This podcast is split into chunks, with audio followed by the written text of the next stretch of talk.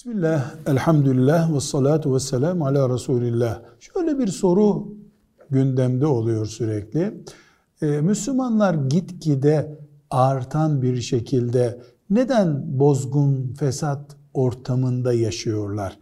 Din, huzur ve ahenk getirmesi gerekirken neden Müslümanlar arasında bozgun ve fesat ve yıkım anlayışları gitgide artıyor. Diyoruz ki her şeyden evvel Müslümanların arzularını putlaştırma oranı artıyor.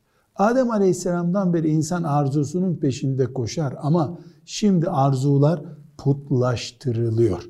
Buna karşılık da iman zayıflıyor. İmanın zayıfladığı kadar arzular putlaşıyor. Arzular putlaştığı kadar iman zayıflıyor.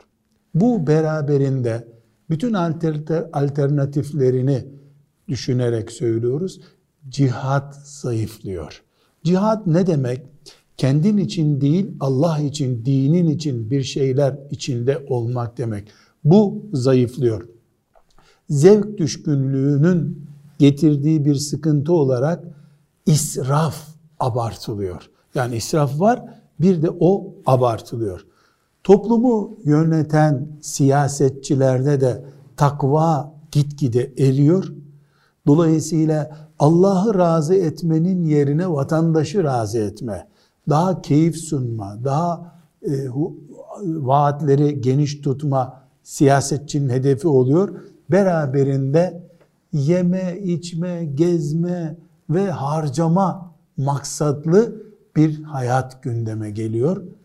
Bunun neticesi Allah'tan kopmaktır, uzak kalmaktır.